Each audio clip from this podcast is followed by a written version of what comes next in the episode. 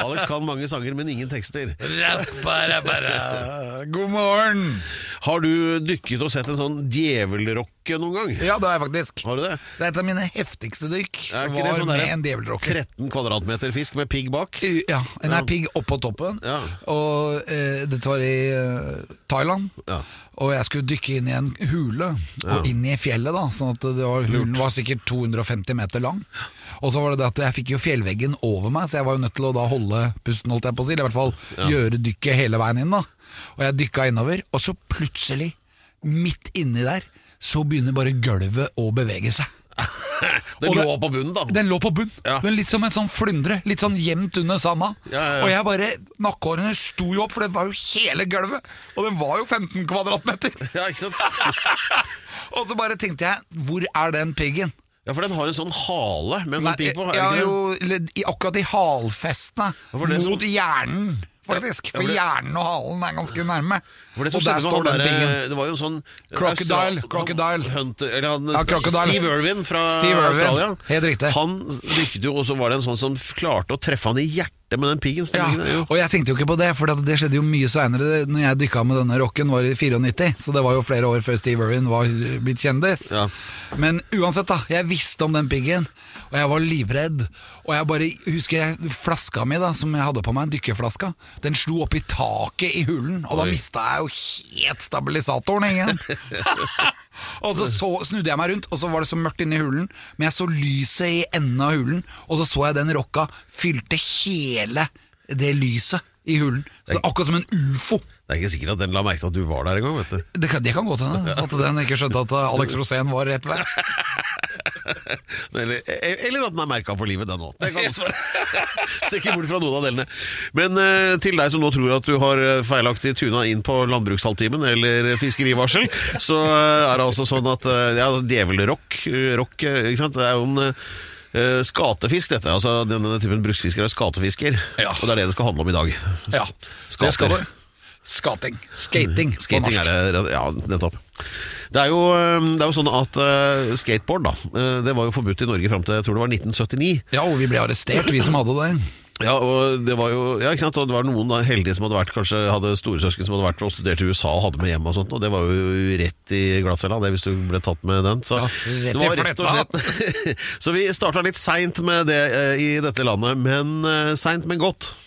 For det er mange som har fått det til på, på skateboard, og, men ingen så mye som han som kommer hit litt senere i dag. Eller Nei, han er vel eh, det vi kan kalle legende. Ja, det tror jeg vi kan slå fast med eh, store bokstaver både foran og bak. Og um, vi skal bare for å by på én bitte liten ting At uh, en av rekordene hans da Det er altså å hoppe fra størst høyde ned i en halfpipe. Og det, de som ikke vet hva det er, det er den U-en ikke sant, som er sånn rampe. Men og, den er ikke U, denne her. Dette var en quarterpipe. ja, ok, da, så det er en eh, Hva blir det da? med litt sånn sving i midten. Greit, men i hvert fall nesten ti meter rett ned. Ja. Ja. 9,36. Ja, og han vil over 10, og han er snart 50 år. Dette blir ganske spennende, dere. Eh, så heng med på mm, vedlagt eh, podkast som er laget i aller beste mening, som heter Alex Rosénshow, og vi venter på Adil Luigi Diani. Alex Rosénshow.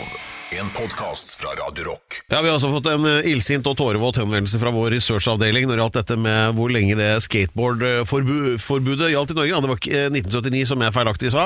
Eh, Så nå, etter en ganske merkbar lønnsnedgang, så skal jeg rette det opp da til 1989, Alex. Ja, det er veldig bra. Vi har veldig skarpe folk i denne her, eh, En annen ting, vet researchavdelingen. Ja, Vi fikk jo tak i disse skateboarda, men det som var problemet var at vi visste ikke hvordan de virket. Altså Det var jo noe med hjul på, og da regna jo vi med i Drammen da at det gjaldt da å henge på en trimma Gilera-moped eh, nedover baklia som bratteste bakken der, da. Så lenge du klarte det til du tryna. Og du var har det tryna litt. Det. Jeg har gått på Det gikk ganske dårlig flere ganger, ja. det Det er ikke bare bare å tryne, Ja, men altså. Er det hjul på det, så er det vel meningen at det skal gå fortest mulig, er det ikke det? Jo, bare du ikke kjører bakover. Ja, det hendte også, men det var jo ikke frivillig. Jeg vet det. Ja. Nei, du, vet du hva? Nå skal vi få denne kjæra her som heter Alex Rosenshov i gang, og det betyr at da må du forestå den høytidelige eh, innkallingen da av gjest. dagens æresgjest, ja, det syns jeg. Med Og den nå- der eh, ordentlige stemmen og paljettjakka. Helt riktig, paljettjakka er på, og i denne gangen har vi fått en gjest fra aller øverste hylle. Ja. Dette er i norsk sammenheng en legendarisk mann, og også i verdenssammenheng. Ja. Han har tatt tiden og, og kommet seg hit til oss i studio. Han har vunnet VM-tittelen i to forskjellige grener i skateboarding. Vert ramp og highest air. Highest air det betyr at du svever høyt opp i lufta. Han har også, han er fra Oslo, Har hatt kjempekarriere i USA. Han er profesjonell skateboarder. Han er, har verdensrekorden i free fall med 9,39. Med bomb drop 7,55 meter. Mine damer og herrer, fra Los Angeles og fra Grefsen i Oslo. Ja. Profesjonell utøver for Dussetti. Her er han, Adil Luigi Diani! Hey! Yeah! Hallo, Adil. Velkommen til Alex Rosén Show. Ikke noe press.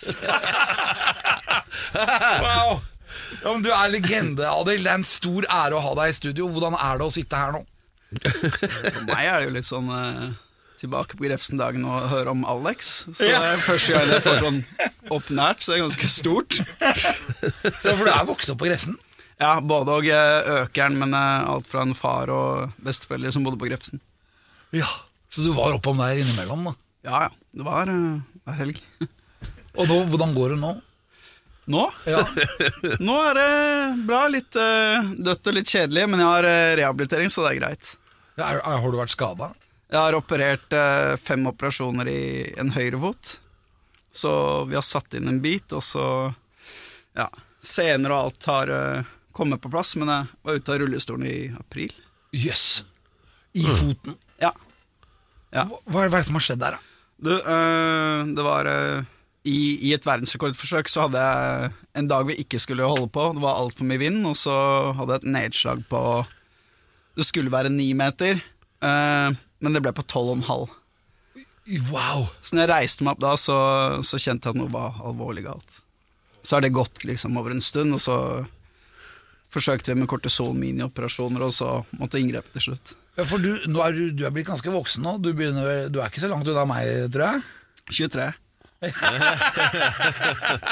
Jeg tenker Nei, jeg, liksom jeg, hadde, jeg, hadde, jeg hadde veldig flaks i det her, for at øh, jeg våknet, så sto legen liksom og kikka på meg og sa at hei, du er øh, 21 metabolsk, så det er kun derfor vi Du må jo ha tenkt på det siden du er så er helt i verdenstoppen i forhold til den biten, at du fortsatt hvorfor du er så ja, i bra stand, da. Så det er det som reddet meg nå, egentlig. Ikke noe skill-basert med at du gror tilbake, er det viktigste. Hvis du føler at det er ledd etc. koter, og det er sårt, da er det, da er det over. Ja, og jeg tenker sånn, jeg har jo masse skader. Og du kjenner jo skadene, liksom. Plutselig kjenner jeg den ryggen. Ah, der var den, ja! Den sa gamle skaden. Det er akkurat som at, og desto eldre du blir, så er det akkurat som at de bare blir verre og verre. Men du er jo kattemyk og dynamisk du, Alex. Din fysiske alder er jo 13 Nei, vent nå, det psykisk. Psykisk var det sånn. ja, vi hopper over det. Eh, Men altså bare sånn, sett opp scenen for oss, bare sånn at de som ikke følger skateboard til daglig, liksom skjønner det der med det big drop, altså disse ti meterne. Eh, liksom hvis du skal, Det som norsklæreren kaller det for skildring, altså hvordan foregår det? Ehm, det, det er selve rekordforsøket på Ja, 10 ja, meter. ja, sykkel. altså bare sånn at vi ser det for oss Henger du i en kran? Altså, ikke sant? Folk vet ikke helt hvordan Altså det gjøres. basis, så, så det med å komme fra Uh, en vanlig stor ramp som kalles en vertikal rampe, som Ja. har en totalhøyde på ca. fire meter pluss, Ja. er jo uh, det som på en måte ble liksom Det er skatet, egentlig. Ja. Så siste Vi startet vel 2002 med å gjøre en verdensrekord. Og da fikk bare den Da er det jo bare en halv ramp, da. Ja. Ikke sant? Som kalles en quarterpipe. Nettopp. Så om du slipper deg ovenfra den, Ja. så rett ned Det er liksom sånn totalhøyden opp til deg selv. Uh, men, men på et eller annet punkt så skrev jeg brev til Guinness rekordbok, og Skipling har nødvendigvis ikke så mye å gjøre med rekorder.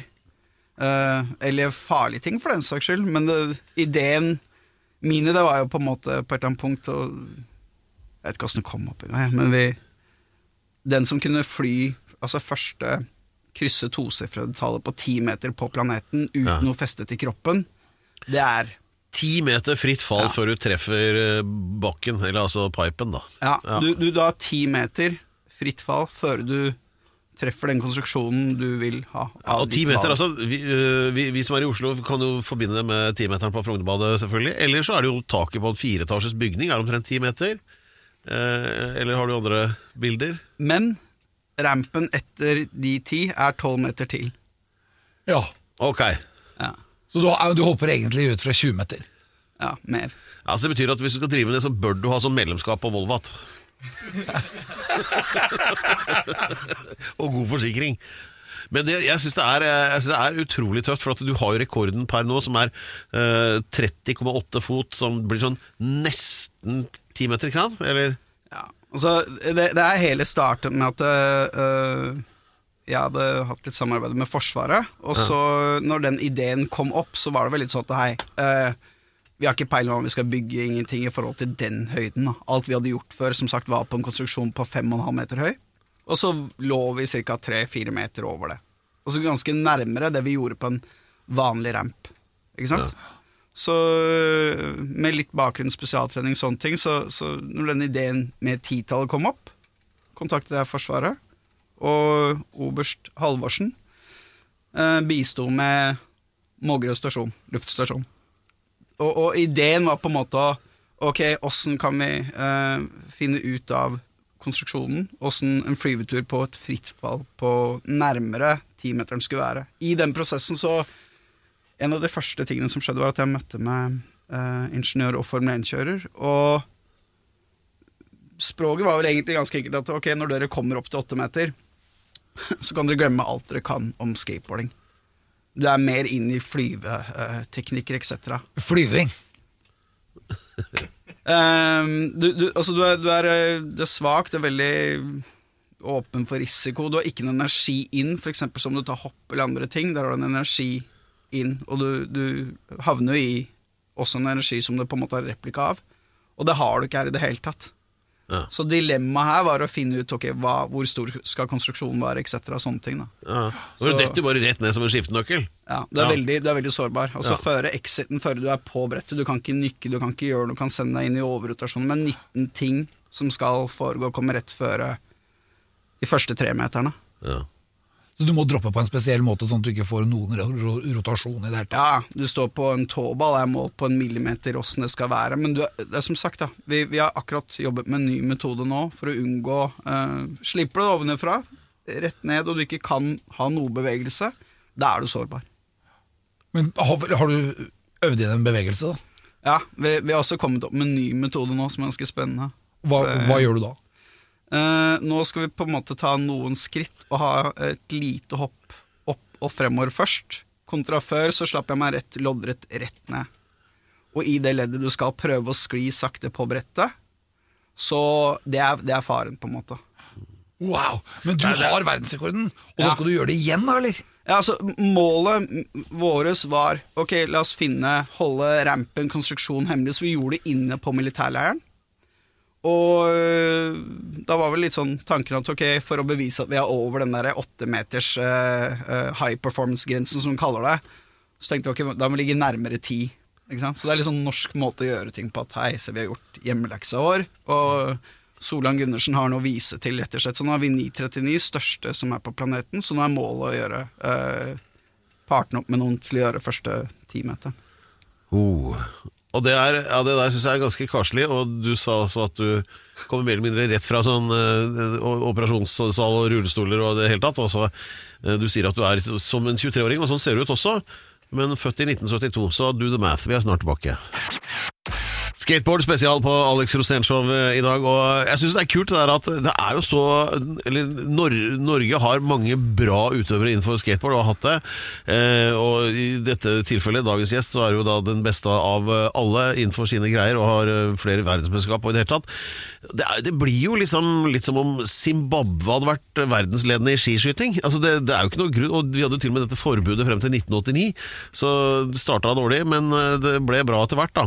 Eh, Vi har altså besøk av eh, Adil Diani, som tilkjennegir her at det skal settes nye verdensrekorder. og det handlet da altså om Var den rette betegnelsen av det? eller, eh, Når du skal hoppe altså da ti meter fritt fall, og så ned i rampen, hva heter det? Free fall, er det det? Fritt fall. Fri, ja, fri, ok, fritt fall. Free falling. Ja, ok, På trynet rett ned. Ja, ikke sant? Tittel hos uh, Guinness rekordbok er uh, fritt fall. Ja, Ja. ja, ja. Men hva er forskjellen da- på free fall og bomb drop? Vet du, det, det, det er Altså, bombdrop er bare en sånn mer en sånn old school-måte, tror jeg, som de gjorde på en stor ramp. Og de bare hoppet inn og holdt brettet på en spes måte. Så det var vel bare betegnelsen som lå der. Helt til vi fant ut at de Guinness rekordbok rotet veldig mye, og, og de forandra en tittel til freefall. Uh, bombdrop var originalt fra toppen av rampen til exit-punktet, den distansen imellom der du hoppet. Hva du, hvor du landet, eller hvor høy rampen din var, var opp til deg selv. Så skrev jeg dette brevet, og så hadde de rotet da, hos en annen, og, og trukket fra litt og holdt på, så da forandret de tittel til Fritt fall, som vil si at det er uh, fra exit-punkt til nedslag. Så, øh, men, øh, og du er altså i gang med planleggingen av dette rekordforsøket med Forsvaret. og er- du vet at du skal hoppe fra en høyde, ganske grei høyde når, du har, når det er Luftforsvaret som hjelper deg, liksom. Ja. De har jo litt Ja, det var helt enormt at det, det skjedde. Det er all ære til øh, Men øh, når, når kommer dette til å skje? Når øh, får vi Men du har verdensrekorden, og så skal du slå deg sjæl, da. ja. For å komme over ti meter. Ja, jeg, jeg, det er som jeg sier, da, rekorder er ganske lite vesentlig egentlig i skateboarding. Men for meg er det det sitter noe hjertet med den timeteren. Det er ikke vanskelig å skjønne det. Det er jo noe av det tøffeste jeg har hørt, i hvert fall. Jeg ser på Alex, han øh, er ikke så god på Ja, er han er veldig god på rullekake. Jeg, jeg, jeg elsker jo rullekake. Rolling cake, som vi sier på amerikansk. Men, men altså, når, når, kommer, når kommer dette store til å skje? Uh, det er uh, ikke noe fast dato satt ennå, men uh, vi har dialog med noen som på en måte er kanskje interessert i å ha det som prereklame for noe stort. da. Eh, så det er litt sånn opp til dem. Er det Melodi Grand Prix? innebærer det en måned med spesialtrening, testing og sånne ting. Og så hvis de vil flytte ramp til å gjøre det på en spesifikk lokasjon for å få en kul idé til det, så For eksempel så hadde vi Vi var i kontakt med Sør-Afrika før eh, covid startet, og da um, var ideen um, å hoppe ned i stadion i, i Cape Town, og så gjennom selve hullet, at rampen ble bygd opp Oh, ja, ja. opp på, på bakken. Gjennom taket. Ja, det er sånn Ja, så det ser ut som du blir sluppet ut fra et eller annet gjennom et hull. Da. Så, Ja, fra et helikopter, og så må du treffe hølet. for eksempel. Det hørtes helt venstre ut. Og det jeg forbinder med den stadion, er sånn Vuvuzela-trompet fra VM. Men, ja, det hadde, men det må jo være mye mer enn ti altså, Der er det jo veldig høyt, da. Jo, men der var ideen med å bygge konstruksjonen innvendig, stadion opp, da. Ja, på sånn, gulv, på en Ja, måte. ja, ja. Bare for at ideen var god. Ja. Så, så hvis man kommer opp med gode ideer til uh, den team Men, men timeteren sånn Håper jeg og liker ideen at de teammeterne skal være litt organiske, da, siden det er ingen som har gjort det på planeten. Og vi leder research, og ja, så lenge ikke ideen dreper eh, mer enn droppet, syns jeg er greit. Hvilken, hvilken fart, vertikal fart har du da etter ti meter? 65 km. 79 ca. på touch. er, det er fremdeles eh, V minus V0 er lik en halv AT i annen, der tyngdeakselerasjonen er 9,81 meter per sekund i annen, ikke sant? Er det ikke det? Jeg vet ikke, det ser ut som det er det. Hvis man ser bort fra luftmotstand og friksjon, da. Vi skal ta, så, Pedro, ta prat om er noe annet. Jeg skal sjekke dette. Kan vi prøve å droppe Pedro? Jeg skal love deg at jeg, der kan jeg konkurrere, fart, altså. der kan jeg konkurrere med dere. I fritt fall, der er jeg ganske god. Jeg tror han vinner der, Det altså. kommer man. vet, det mest aerodynamiske er jo dråpeformen. Ja, jeg veit! Say no Jeg ser more. for meg deg gjennom det taket, altså. Ikke noe fordel å være sånn tynn flis. Jøss, yes, der mista vi Pedro. Hold på han, altså. Hadde du sendt han ut på La bomba. skateboard? Litt trening, Ja, han, du, kanskje ett skateboard på hvert bein? for eksempel. Men jeg har jo, har jo hatt uh, fart på sånn mellom 75 og 80 km i timen på skateboard. Det har jeg. Har du det? Ja. Hva Det er ikke alle som har det. Hva skjedde? skjedde? Det gikk Ja. på trynet, så klart. Ja, Og så? Det, det var Hvor landa du? Uh, nei, litt sånn i grøftekanten oppi den baksida-svingen der, da. Gjorde det? Ja. Det er helt utrolig at du overlevde det.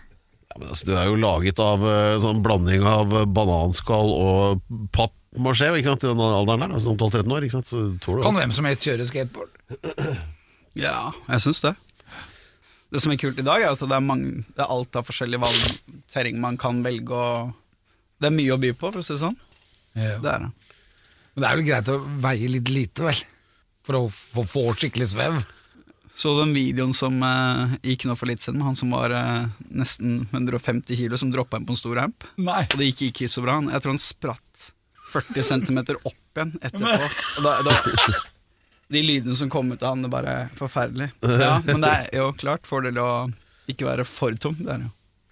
Ja, Med fare for å utløse spenningen for tidlig, jeg kan da røpe at dette kommer jeg ikke til å befatte meg med på noe som helst slags vis noensinne. For min.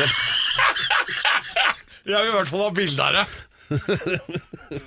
Alex Rosén Show podkast. Mine damer og herrer, her er han, vår eminente programleder Pedro Gianfranto Locadella Hustados Horn. Ja da, og dette er altså Alex Rosens Show. Det er jo showet for den kresne friskus. Og For den kresne det handler rytter. om Ja, eh, begge deler. Eh, Og mm, ikke minst eh, eh, de som eh, altså liker mer sånn våvede idrettsgrenene, da, som vi vil si er inne på nå i dag, med eh, skateboard, eh, rekorder og, og det er altså Adil Diani, hei igjen, som er vår, vår gjest, og som skal sette halsbrekkende rekorder og kanskje slå denne timetersrekorden vi har vært inne på. Og ikke bare det. Han har også noen andre planer som jeg bare lover dere, dere som lytter, følg med ut denne episoden her, for dere kommer til å blåse sokka av hele gjengen. Altså hva denne mannen har planlagt. Det er helt ko-ko alt sammen.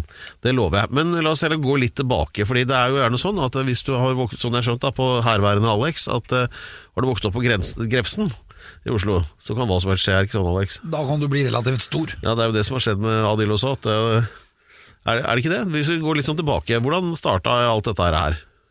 Eh, skateboarding generelt? Ja, karriere? Nei, karriere, og hvor var det du oppdaget skateboard? Du, uh, jeg for min del hadde bodd i Sverige, så kom jeg tilbake til Norge, og så så jeg første rampen jeg så var på Vollebekk, Ja. linje 5. Uh, og spilt ishockey i stort sett hele mitt liv, så det er vel egentlig mer min tittel. Eh, kom innom et skogsholt og så en ramp, og da var det borderline ulovlig, tror jeg.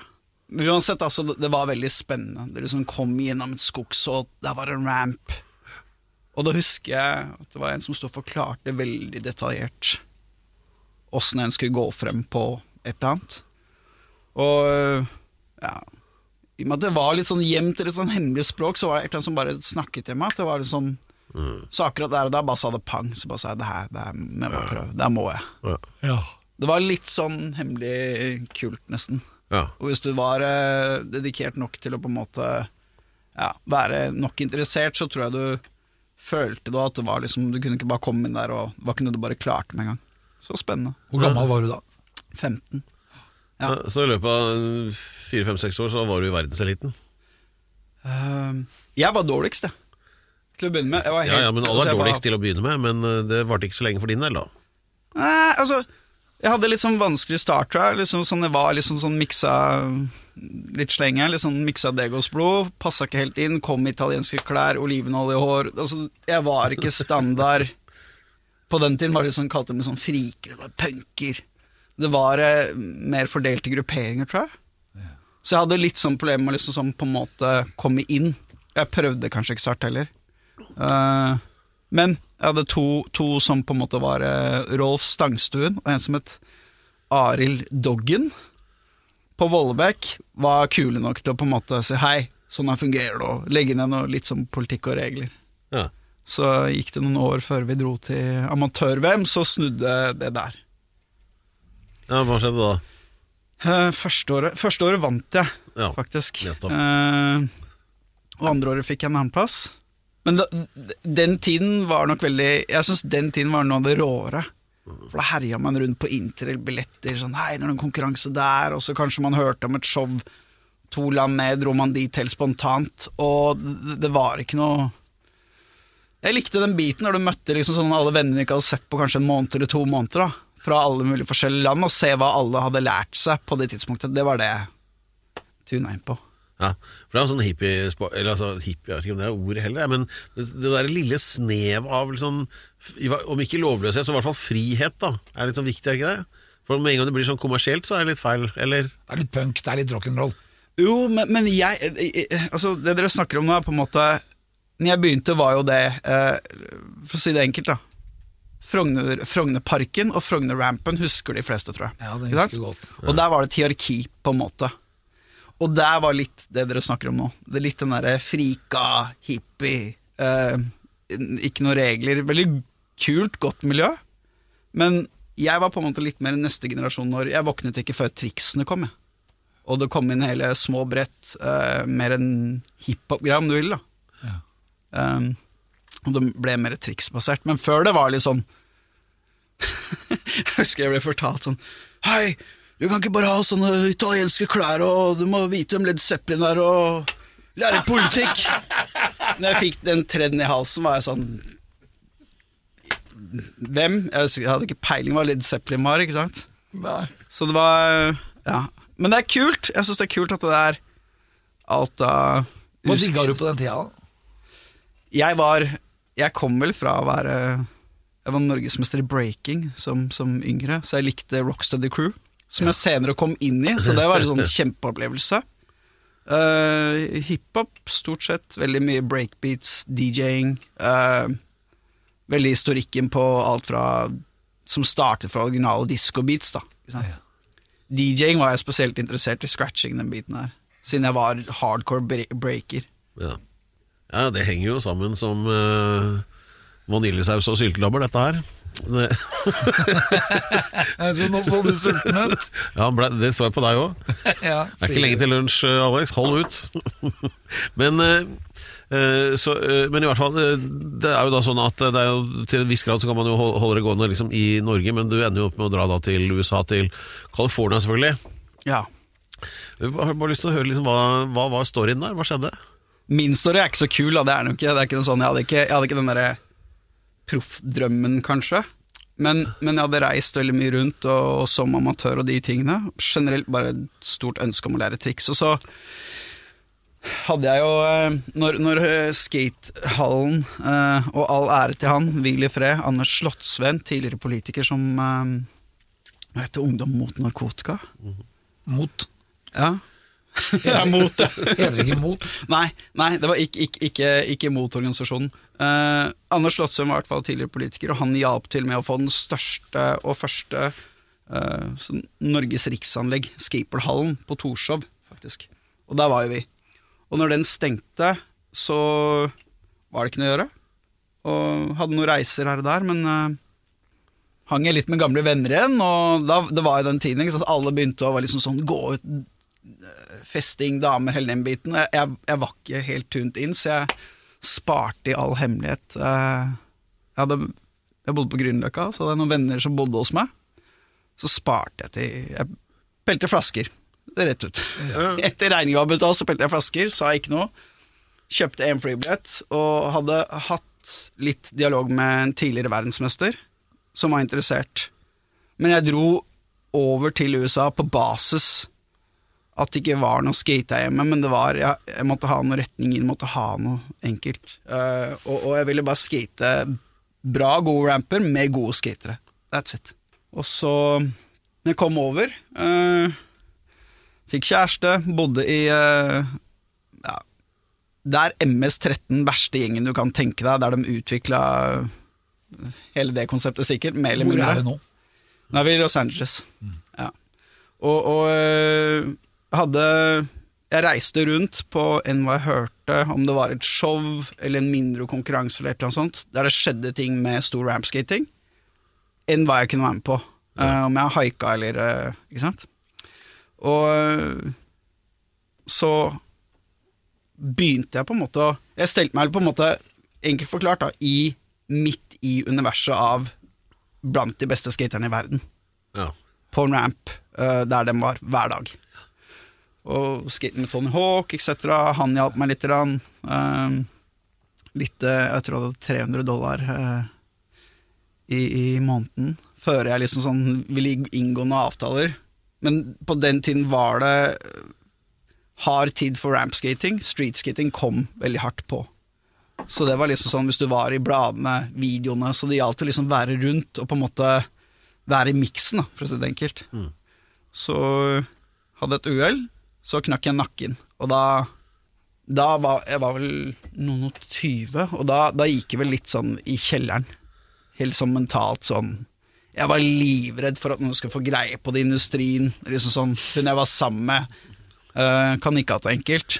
Men, men det jeg har lest om akkurat det der, at uh, etter det uhellet der, to uker etter at du kom deg ut av uh, rullestolen da, så vant du VM. Ja, altså det, Så jeg mener, det er jo det, det, det er ganske mye solskinn i den storyen her, altså. Det var, det var eh, Skal jeg si ja? Jeg tror jeg var så kjørt i hodet. For jeg, jeg, lå, jeg lå i en seng, og dagen jeg tok C og 3-4 i nakken Sånne virver Den ene lå oppå den andre når jeg kom inn, og de fant ut av det. Så jeg ble jo lagt i en seng den dagen. Var bare sånn Hei, ligg helt rolig, det her har skjedd. Og nervesystemet var ganske ødelagt. Så da ble jeg ganske kjørt i hodet. Jeg, lå jo bare og grilla meg selv og tenkte sånn Ja, ok, kult, når jeg har kommet hit, allerede så er amerikanerne og proffene så mye bedre. Så jeg lå i en seng jeg, og så for meg at ja, nei, Tony Hawk på rampen og lærer det og det trikset, og så ligger jeg her. Det var det eneste jeg hadde i hodet sånn over hvert fall sånn fire måneders tid. Så um, etter seks måneder Så du lå og trente bare med tankene, da. Nei, jeg tror jeg mer eh, bare, bare tok livet av meg selv, nesten. Jeg var bare rett og slett ikke til stede. Jeg, ville, jeg var livredd for at noen skulle få vite det. Jeg ville ikke Hadde ikke kontakt med noen. Jeg tror du går et spesielt sted når du bryter ned sånn, som det er rett over 20. Du, du, altså når du, du må ha hjelp på do, da. Ikke sant? Du klarer ingenting. Men, Så, så hvordan kan det da ha seg at du vinner et VM to uker etter at behandlingen er ferdig? Jeg hadde, jeg hadde Etter fire måneder så var jeg vel oppe og prøvde å gå prøvde på å komme litt tilbake, og så hadde jeg tilbakefall. Så etter seks måneder opp og gikk, og så skulle jeg, jeg skulle egentlig bare sendes hjem. Og han sponsoren var sånn Hei, vi har en billett, men vi skal til VM, så du må bli med dit. Så jeg hadde, jeg hadde gått og følt meg ganske sterk, men det som skjedde, at midt i VM så fikk jeg bare en sammenbrudd, tror jeg. Sammenbrudd. Ja. Jeg, jeg, jeg ble litt sånn, ok, her Jeg ville, jeg ville bare ha svaret på om jeg kom til å klare å skate inn, egentlig. Ja. Så i det konkurransen begynner, så, så begynte jeg å skru sammen brettet og fikk noe deler fra noen venner. Og, og en venn, han makset han, han bare sa hei, du, kan du ikke, du kan ikke skate nå. Og så gang jeg tenkte jeg at ok, klarer jeg å se om jeg klarer å fungere, hva var egentlig jeg var ute etter.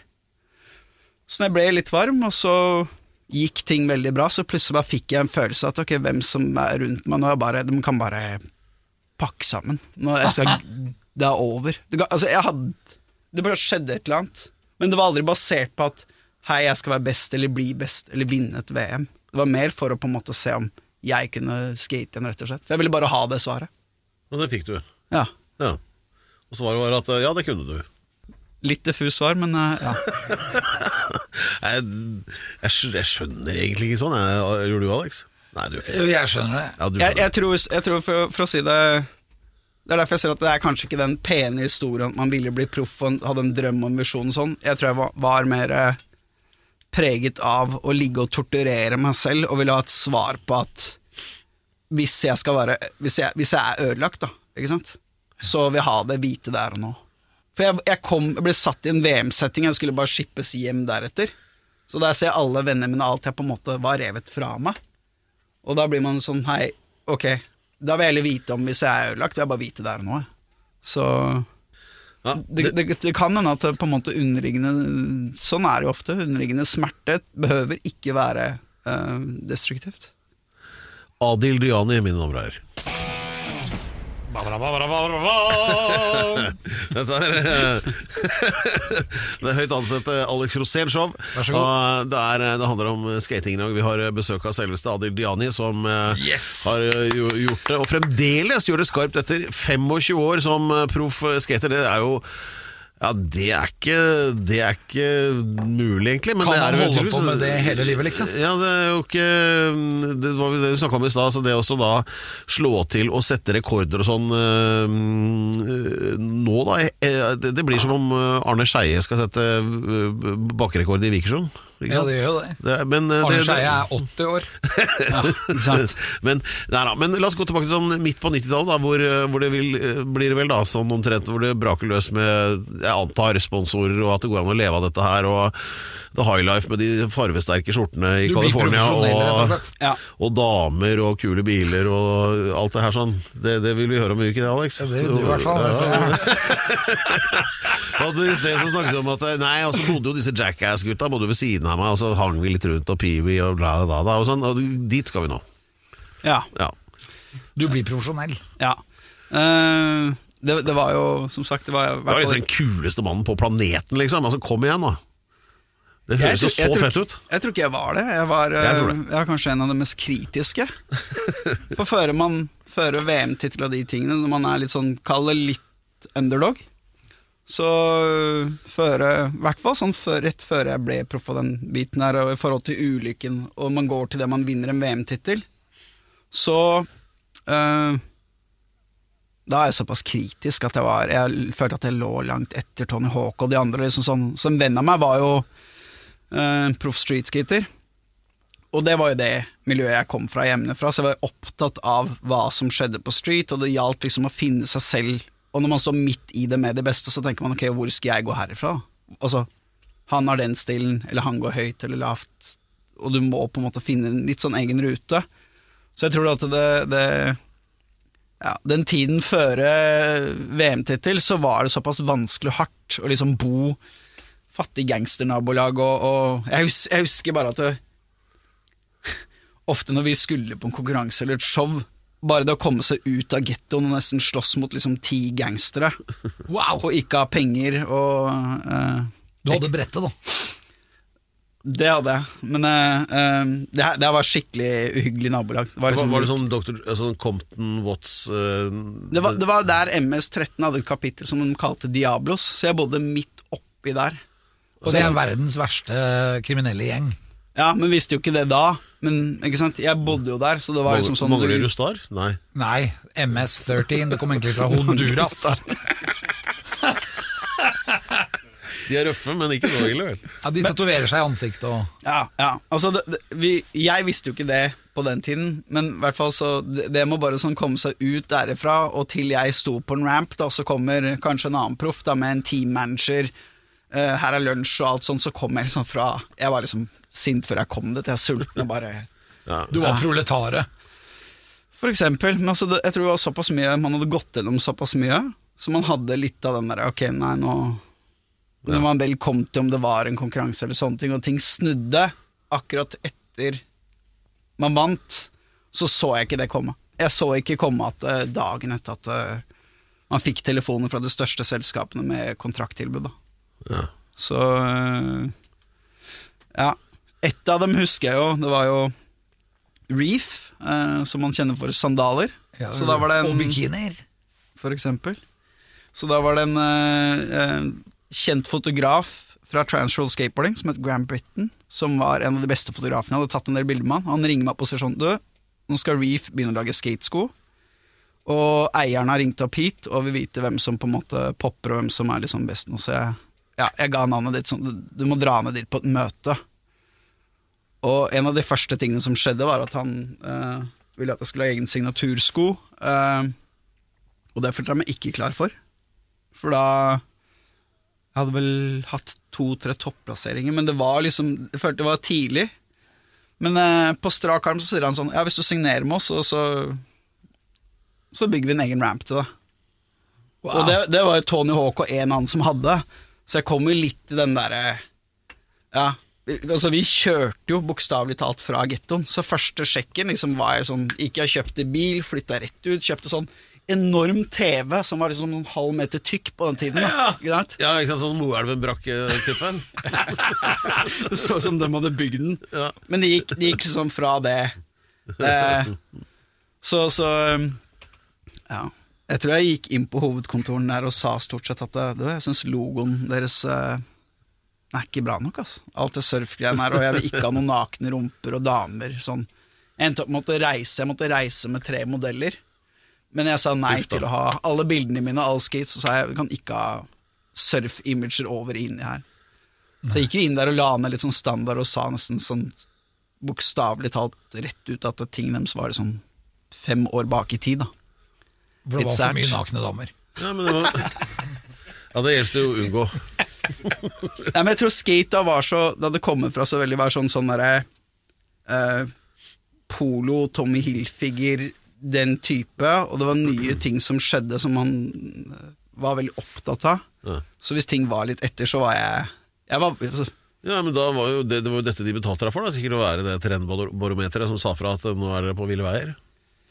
Ja, altså det, det, for, for meg var det sånn så jeg sa at greit, hvis jeg skal være en del av det, så, så, så skal jeg ha uh, full oversikt over kolleksjon, uh, design. uh, så ganske sært, da, tror jeg. Jeg tror jeg var bare opptatt av at ikke ting skulle se dårlig ut. Ja.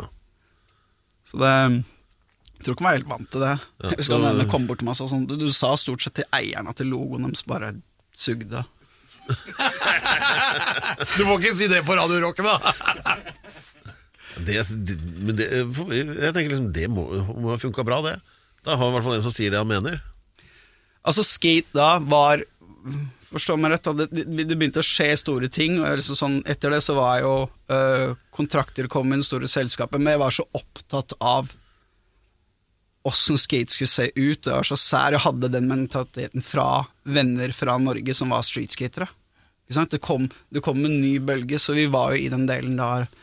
Ehm, ja, første året da store sjefer fra ISBN kom og sa ja, vi, eh, du er en av de tolv beste, så du får være med i første X Games. Så vi var jo i den delen da det gikk fra faste skatekonkurranser som var anerkjent i USA, og det var videoene, det var bladene, til at vi sto inne i en fotballarena, og det var X Games. ikke sant?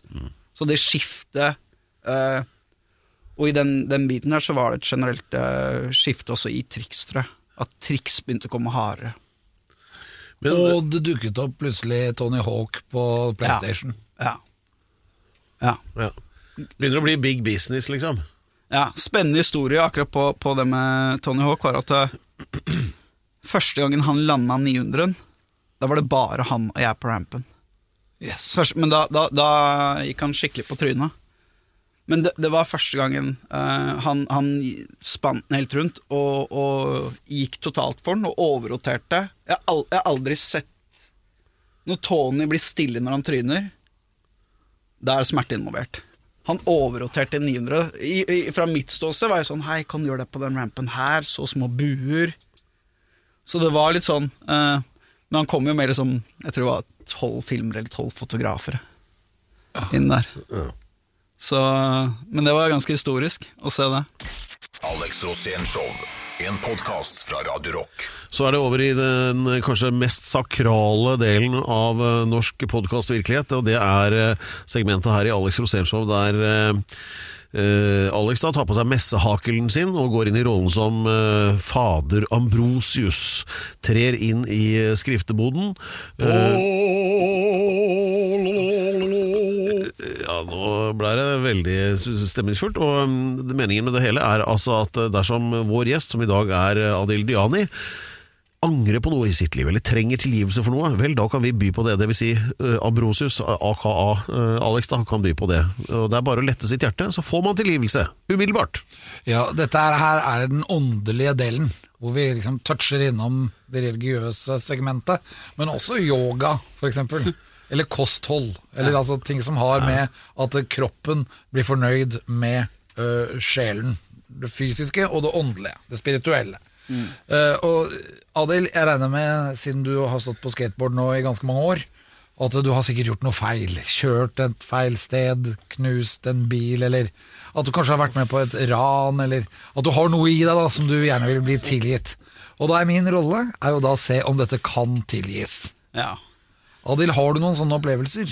Eh, det var eh, en av de første sponsorene jeg hadde.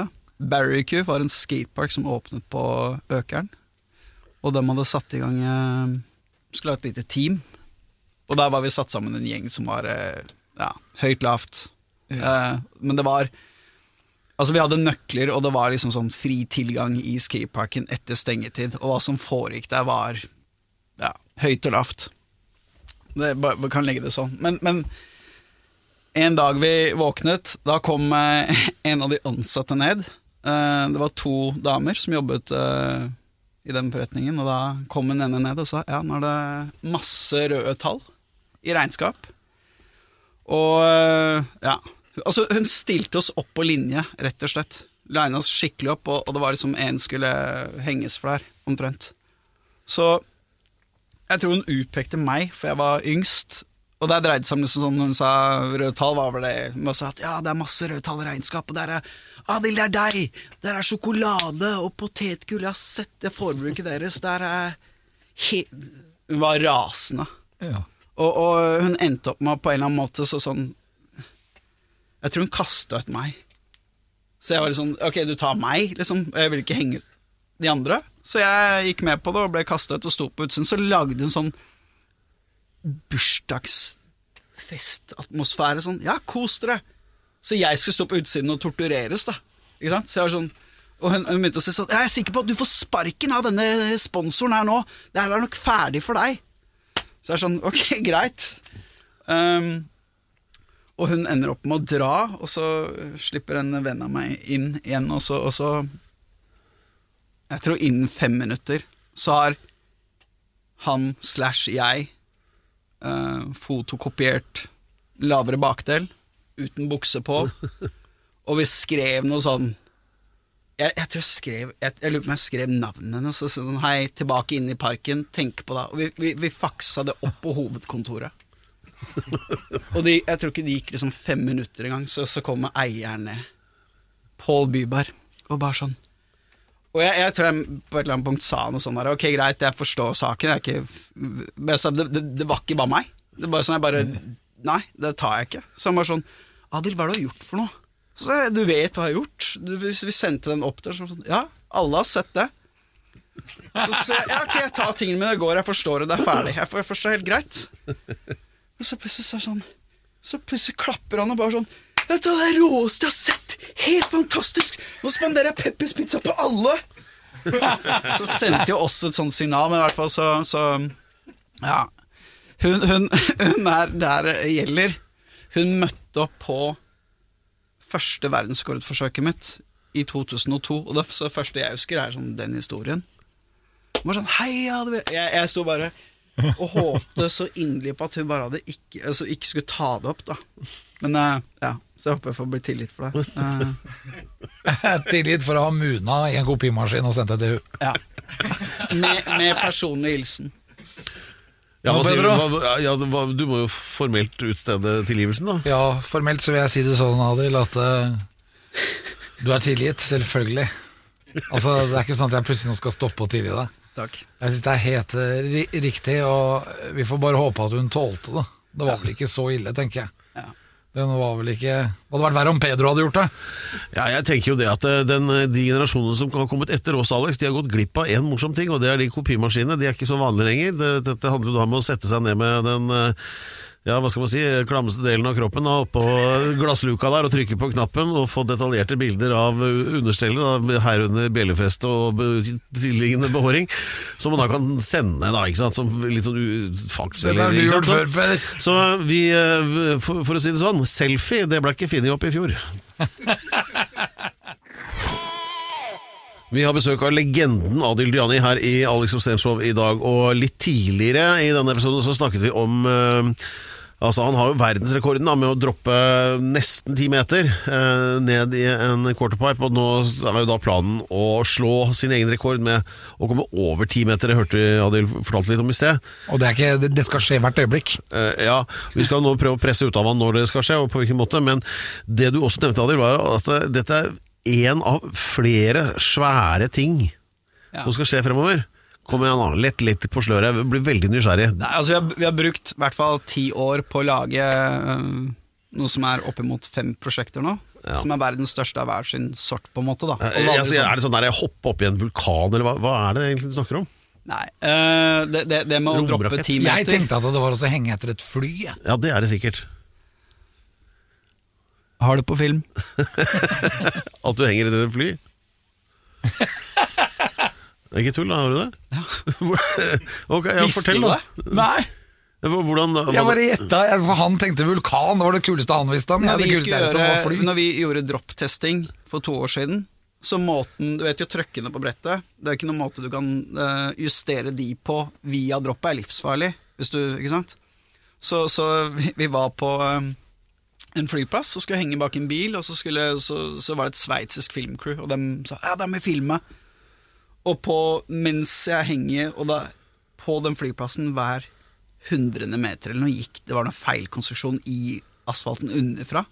Så det var en sånn sprekk hver hundrende meter, så jeg måtte løfte trøkken da, i sånn 70-80-90. Og mitt mål var bare å få trøkken justert løsest mulig til ca. 90. Og da var det, det var, det var en, en eller annen kar der som bare sa Ja, å, tenk deg å henge bak et fly. Og da var det en pilot der som sa ja, flyr du, så gjør jeg det. Så da, jeg trodde du visste det, siden du sa det. Nei, nei, nei. Ja, men altså, hallo, tok flyet av opp i lufta? Nei, men det var like okay. før. Ja, men det, dra, det har jo litt axe. Jeg, jeg ville dra tilbake med han og gjøre en sånn morsom greie ut av Ja, ja, ja, at jeg hang på bakken, og, og det så ut som det er litt sånn walk the dog, da. Bare walk the plane. For vi kom opp i en viss hastighet, og så, så, så, så, så måtte han stoppe, så han liksom var på walk og sa jeg må stoppe, for nå er det like før jeg begynner å ta av. Men da, hadde- jeg hadde nok med Jeg var jo så fokusert på å bare løfte fortrucken ikke sant? per hundrede meter. Ja. Men jeg trodde du visste siden du sa det. Ja, men liksom, Det overrasker ikke. Ja, det er herlig. Eh, Og jeg som skrøt av at jeg hang bak en 50 kubikk Gilera i baklasvingen. Men, eh, eh, men andre sånne spektakulære demonstrasjoner av s- s- s- skateboarders fortreffelighet hva, hva annet? Gi oss litt grann sånn taste på det. Eh, det, det, det ene er jo droppet, som sagt. Ja. Fritt fall på ti meter. Den som gjør det første, og største flyveturen på planeten uten et verktøy fester kroppen. Og i den regien også har vi jo øh, jeg har brukt ni eller ti år på å lage en buradie, som kan også pitche deg opp på også ti meter øh, flytur. Det prosjektet er desto hardere, for det er litt sånn det kan ta lengre tid. Det er, som, det er, som, det er jeg og en til som driver med det, egentlig, og gå, prøver å gå så høyt. da. Og det er vanskelig å få finansiering til at noen skal si uh, Hvis ikke det skal mot en reklame eller sånn sett. Men vi har lagd Vi har i hvert fall klart å lage en burade, så den rampen du kommer opp, er 960 høy. Um, og det er en norsk ingeniør som hjalp meg med det. Uh, så det er et av dem. Og så har det som helt uh, Var ikke min idé. Men uh, vi var i Holmenkollen for noe annet, og da var det noen som plutselig sa hei, hva med å hoppe ut Kollen? Og så tok vi den ideen, og så begynte vi å bruke enormt mye penger og tid. Og vi har det konseptet klart. Det kan gjøres, men det er liksom snakk om tillatelser. Det er liksom sånn for at vi ikke skal ta noe skade. eh. og jeg tror, jeg tror den delen med det som kom med det, var at eh, hvis du flyr ut Kollen, og du gjør noe om du flytter med å lage en ny hoppkant eller ikke, så blir problematikken i Holmenkollen er unnarennet Ja. hastigheten du oppnår etter du øh, kjører ned der, det er litt sånn problematikken. ja, og så er det jo gress der. Ja. Det er vann i bånn, da. Ikke nå lenger. Før var det det. Det er- Nykollen er uh, steindekke med, med et metallnett, for å si det sånn. Det er ganske bratt ned der. Det er litt så- sånn som vi pleier å si at det, det starter med fritt fall, og så blir det brattere. Ja. Ja. Så det er, det er noen av tingene. Ligger, det, men det ligger jo skal sies at det, det, ligger, det ligger en verdenssensasjon i bakhånd som ligger, som jeg har jobbet med, som er alt jeg har startet med, egentlig. Uh, men Hvor er det folk kan følge deg på nettet? Det er på Instagrammen. men Vi, vi, har ikke lagt, vi kan ikke legge ut informasjon. Vi har ikke lagt ut informasjon. Det er det vanskelige. Så, så, hvis, jeg er på, hvis jeg var hos eh, Jeg var i Dubai, og da var vi på kontoret til sjeiken. Og hos prinsen. Og Sex Dubai. Og det, er- det er kun sånne steder, for eksempel hvis dem Da har dem vist meg noe, så har jeg vist dem noe, rett og slett. Men jeg legger ikke fram data, bilder av konstruksjon, alt det, hvis det ikke er hvis jeg ikke vet at de skal for kjøpe et prosjekt. Ok, Men du sier altså at det, det, det som ligger i lufta her, en verdenssensasjon. Ja. Ja.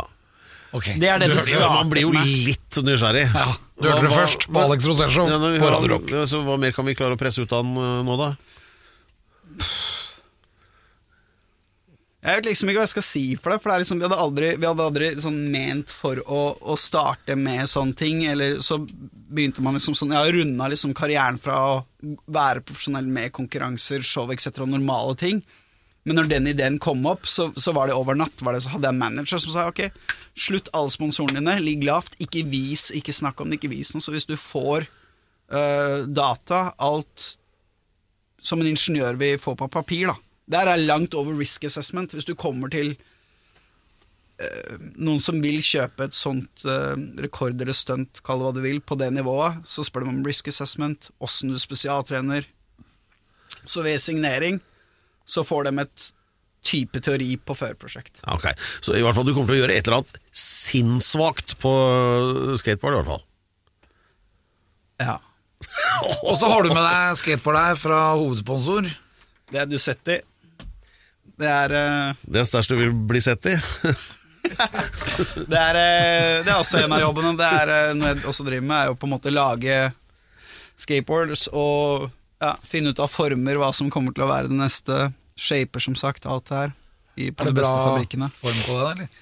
Ja, det er fra de beste fabrikkene, og så lager vi Vi har kun to brett i pressa, så det som er prototyper som vi selv bruker, det har vi ut i salg for Og så prøver vi å holde en pris som er eh, på en vanlig standard. Ikke funnet opp kruttet på nytt, men det er liksom en av de beste fabrikkene der ute. Ja, For jeg ser at det er ganske mye former i det brettet der. Ja, det er, det er, det er vanskelig å ligge litt, sånn litt i forfront på hva som skal skje om et år fremover. Og det er mye spennende som skjer nå, med sånn eldre shaper og en del sånne ting som er kult. da.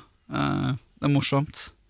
Jeg greier ikke å la være å tenke på hva det der spektakulære greiene Er det ned Niagarafossen? Er det over en eller annen sånn der vulk jeg på vulkanen igjen nå? Det kan Eh, være Morellsbakken på Grefsen. Nei, Den eneste jeg har vist der til, skal den eneste jeg har vist der til, er han som styrer og som gjør innholdet, valgene til James Bond-filmene. Og han hadde ingen relasjon. Det var via en annen som Vi var i et møte, så skulle han på en måte se hvor i løypa det her var, da. Og jeg gikk vel inn der litt sånn sånn Han så på meg litt sånn Ja, hvem er du? Proff utøver og caps og litt sånn Jeg var barn, ikke sant, i forhold til han. Så jeg tror innen f- f- hans, En av de første tingene han sa Ja, nå har Felix kommet ned fra stratosfæren, hva skal du gjøre, liksom? Og jeg vet hva de skal gjøre. Jeg vet Å, hva nå vet jeg det. Det er noe et eller annet sånn in space. Au, der, der- her der- skal du der- skyte der- deg ut i dem- dem- space. dem hadde- dem- For å si det sånn, dem hadde en presentasjon på over ti mil som har med en Formel 1-bil å gjøre. Og det er å skate mot Formel 1-bilen mens den kjører mot deg i 300 km i timen. Så hopper du over bilen, brettet går under bilen, og så lander du på brettet på andre siden. Først- Der har vi han det. sa- Der har vi det. Det må være det. første han sa var eh, Etter jeg hadde nevnt noe vagt rundt det, så hadde han først liksom sittet og Ikke ledd, men, men innen fem minutter så sa han det her skal jeg være med på. Ja. Og han har sittet rett før det og fortalt meg hvilke nye typer maskingeværleks hva de holdt på med for nye Bond-filmen.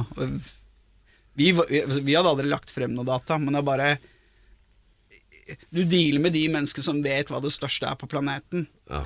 Så han ser at ok, din idé er faktisk gjennomførbar, for det, det koster ikke så mange millioner som dem skal ha. da Ikke sant? De må kjøpe ut en av de beste Formel 1-kjørerne til å gjennomføre sitt og, og bygge en veldig, veldig stor tunnel. Så veldig kult. Jeg vet ikke om det sier Nå, noe, nå bare, det går helt rundt for meg. Nå, det, Jeg ser at det går rundt for deg, Per. ja, vi skal i hvert fall, En ting er helt sikkert, at når dette her skal skje, så skal du og jeg ikke bare ha satt en god del penger på oddsen på at det her kommer til sikkert å gå kjempefint, men vi skal sitte og spise rullekake og se på. Det skal vi. mens dere gjør det, bare legge til en sak at det, øh, det jeg driver på med som profesjonell nå, er jo ganske Kall det fjernt. Det er veldig sånn Det er bare to av oss i verden som gjør noen av de tingene her. Men det bare også kreditere til alle norske skateboardere at det er øh, og, og lyttere generelt at det er veldig mange gode skatere i Norge nå. Streetskatere, både gutter og jenter. Eh, konkurransemessig. Du har André Rølander, du har Gustav Tønnesen som er på eh, bor nede i Barcelona. Og de har et merke som heter eh, Sour. Så det skjer veldig mye spennende. Eh, da Silva, en annen norsk, har akkurat blitt proff for Palace Skateboards. Så, som har veldig mye kredibilitet, kontra at det er direkte bare en konkurranseskater. Det med video over Instagram eh, er veldig spennende. Så du har de som på en måte skater veldig kult, og det, det er på en måte det som sitter dypest i kulturen vår, så jeg vil veldig bare Ja, ja. gi all respekt Ja, til dem. fint. Kjempebra. Det er utrolig kult. Men det er du, Adil, som er eh, sportens Evil Knievel, eller Adil Knievel blir det vel da. Det er jo, du må ha sånn der hvit dress og Jeg syns det er så kult. Så Men jeg, jeg tror på den der teorien til Alex om sånn der brettet under Altså hoppe over en Formel 1-bil i full fart. Kan vi ikke si sånn her? Over en vulkan. Liten utfordring. Ja. Ideen av å ha noe Hvis du er sånn veldig nerdete Jeg er litt sånn nerdete i forhold til at jeg jobber med ingeniører, leger for å få kroppen min alt det her sammen, til å gjøre direkte, uh, om du kaller det verdenskord eller verdens største sak, irrelevant. Men at du har et program med Alex Ja. og meg siden av hverandre. Det var Alex av stjerna, så gjør jeg skitjobben. Det høres helt greit ut ja, meg. Det høres kjent ut for meg.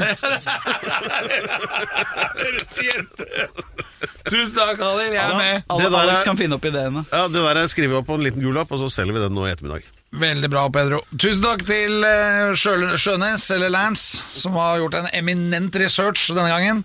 Takk til Remi for bak spakene. Og ikke minst vår eminente programleder, Pedro Gianfranto Locadella Ustadus Horn. og Adil Deami! Tusen takk. All right, everybody, right now.